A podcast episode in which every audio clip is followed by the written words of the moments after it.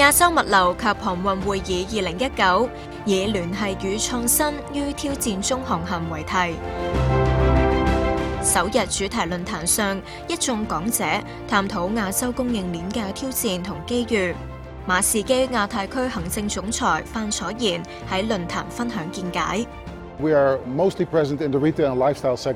And there, of course, you see the, uh, the emergence of the e-tailers. That has significant implications for the supply chain. One of them is speed. Consumers want faster deliveries of goods. The other one is simplicity, visibility. customers want to know at every given point in time where their goods are. And the last one is cost, of course.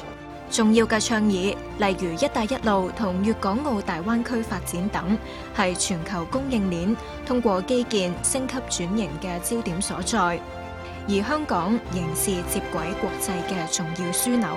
Belt and Road Initiative is all about building infrastructure support to support global trade.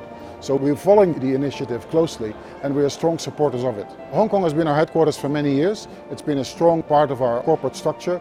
We are also flagging our ships. Uh, we have about 40, between 40 and 50 ships that are on the Hong Kong flag. So we're very strongly married to Hong Kong as a maritime center. 会议吸引嚟自三十二个国家同地区约七十位行业专家，同一千九百位代表参与全新环节创新对话，聚焦新科技带嚟嘅影响。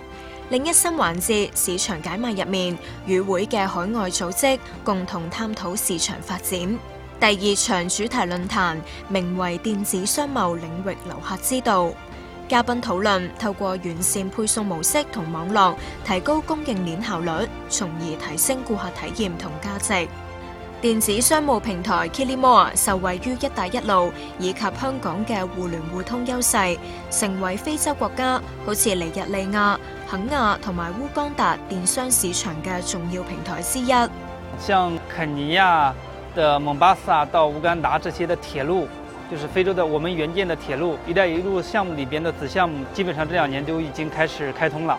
那么这些铁路的开通，对我们后续整个物流的效率、成本，都会有一个很大的促进和降低，对我们拓展这块的市场都是一个很大的帮助。香港是一个很重要的航空港，其实上我们有一部分的产品，特别是一些高价值的小的电子类产品，有些时候市场需求比较快的，有一些货已经在走香港的过。会议论坛涵盖咗多个议题，咁包括供应链管理、空运冷链物流嘅前沿发展。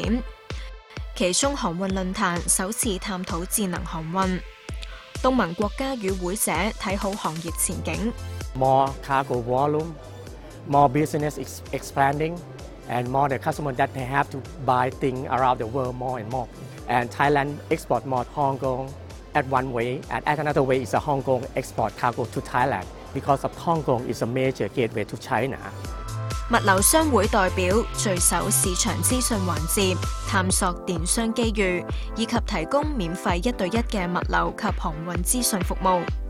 We are one of the key player for the economy of Vietnam, which is uh, growth annually about nearly 40% annually, which is in the five years, enabler for e-commerce which have many players. For example, a logistic player and the payment technology player and also e-commerce merchandise. Triển 覽區涵蓋電子商務、技術應用、供應鏈管理同物流海運及港口服務。大會提供商務配對環節，促進專業服務同解決方案嘅交流。二零一九亞洲物流及航運會議推動業界聯繫與創新於挑戰中航行。We looking for the chance for meeting the logistic player from China, Hong Kong to Vietnam to other part of the world. We want to hear the big guy, big fish doing the business in how they do the business, how can develop the business, how can they foresee the business。我們也歡迎在這裡能夠找到更多的。Partner 跟我们一起在非洲这个市场上去拓展商机。We've always had representation here, both as speakers and as attendants. We think it's one of the keynote events in Asia Pacific when it comes to our industry, so it's a must-have。